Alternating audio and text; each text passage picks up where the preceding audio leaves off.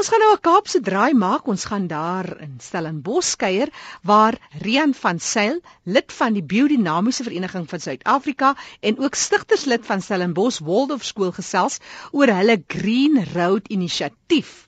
Dis waar hulle navorsing doen oor die vervaardiging en die verbruik van organiese produkte in Stellenbosch en omgewing.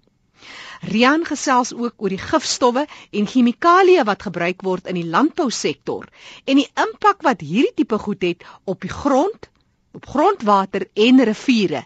Christine Wessels het met Rian gesels. Ons is hierso by die perseel van die Biodinamiese Vereniging van Suid-Afrika. Julle kantore is hier, die Waldorf skool is ook hierso.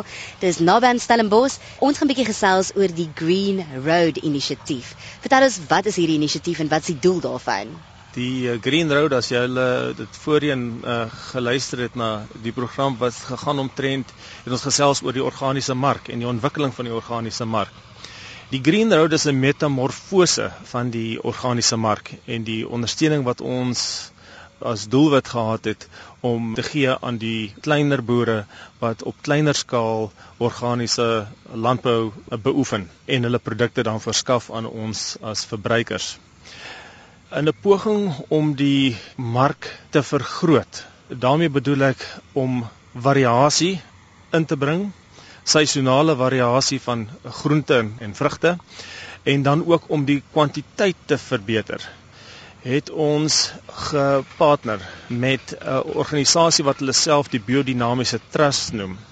Dit is 'n organisasie wat 'n uh, 'n uh, groep direkteure het en hulle doelwit is om biodinamiese en dan spesifiek uh, organies dan ook uh, landbouaktiwiteite te promoveer.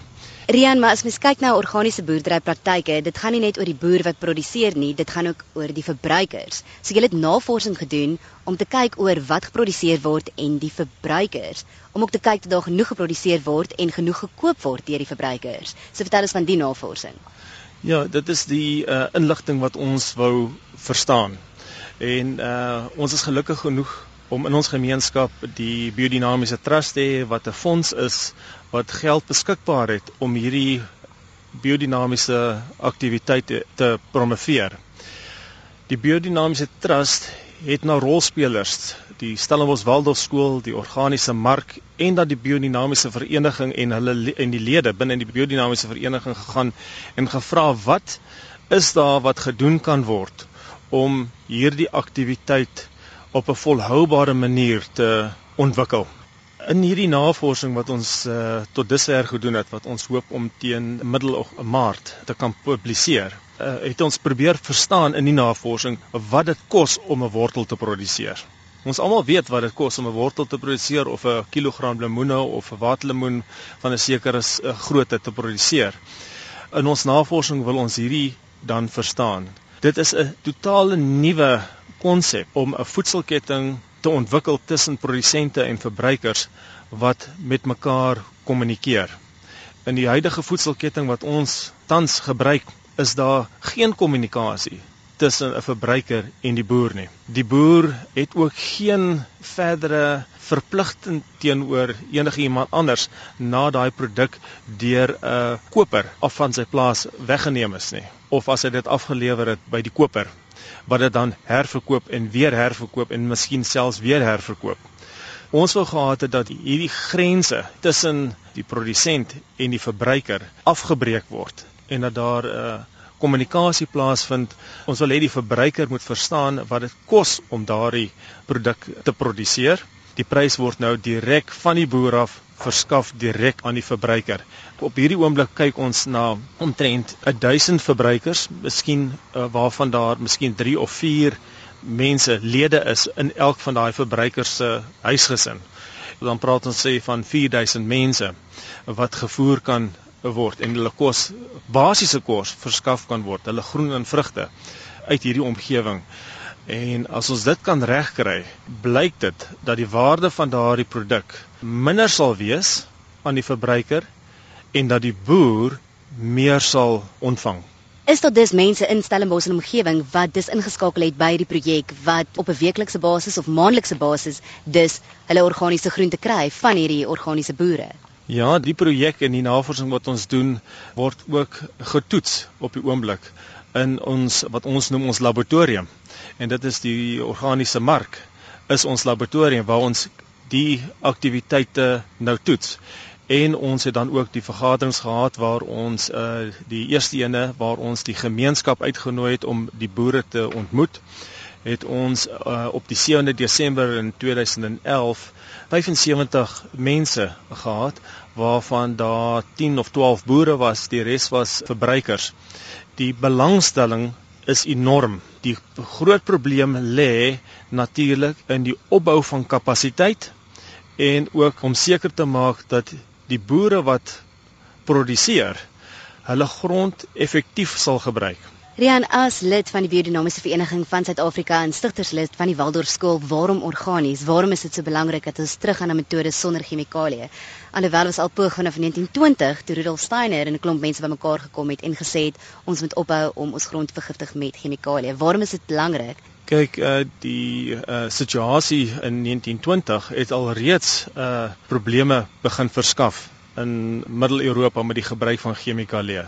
Daar was toe al reeds boere wat dit opgelet het en die praktiese probleme ondervind het. Dit het nog nooit gestop nie.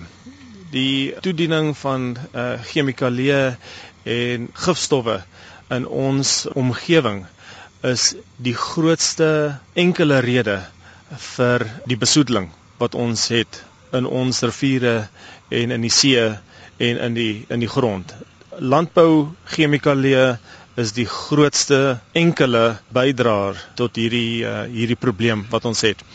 Daar's areas in uh, Noord-Europa wat net nie meer kon gif gebruik nie en wetgewing ingebring om te verhoed dat mense nie meer gif kan gebruik nie.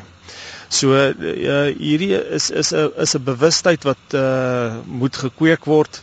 Mense is nog hulle besef nie hoe hulle alreeds geraak word deur die gebruik van gif in ons omgewing en en chemikalieë in ons voedselproduksie nie maar eh, dit is iets wat ons uh, met hierdie proses probeer doen en dit is bewustheid kweek van die groot voordele wat sit in die ontwikkeling van organiese landbou. Dit is nie 'n maklike proses nie. Dit gaan gepaard met ontwikkeling, dit gaan gepaard met 'n kopswaai. Jy moet op 'n ander manier dink om dit te kan begryp en dit te kan sien maar dat ons geëmansipeer is van dit wat ons doen in landbou en waar ons ons kos vandaan kry dit is verseker. In ons navorsing het ons 'n dame gehad wat vir ons gesê het sy het vir die eerste keer in haar lewe 'n boer mee gepraat wat haar kos produseer vir haar en dat sy die eerste keer bevoorreg was om 'n boer te kan ontmoet wat op die lande werk vir haar en haar kos produseer. So dit was 'n openbaring vir my gewees as daar een persoon is, moet daar soveel meer van ons wees wat nie hoegenaamd 'n verhouding het met dit wat ons wat geproduseer word vir ons nie en ook nie weet hoe dit geproduseer word nie. So ons moet begin om verantwoordelikheid te neem vir ons uh, kos wat ons eet en hoe dit geproduseer word. Vir meer inligting kan ons ook gaan kyk op die Waldorf skool se webtuiste en ons kan ook kontak maak met julle by die Biodinamiese Vereniging van Suid-Afrika as ons graag meer wil leer van die Green Road projek, hoe julle dit aangepak het, hoe julle boere in die omgewing genader het en ook verbruikers genader het en bewus gemaak het van organiese boerdery praktyke. So vir meer inligting, wat is die e-posadres by die Biodinamiese Vereniging van Suid-Afrika? Gaan na info@bdaasa org.za. Ek herhaal, dit sal wees info by bdaasa.org.za. Die BDAASA staan vir in Engels Biodynamic Agriculture Association of South Africa. Rian van Sail van die Biodinamiese Vereniging van Suid-Afrika wat gepraat het oor hulle Green Road inisiatief. Net weer hy kontak besonderhede. Dis info@bdasa.org.za. Christine Wessels het met hom gesels.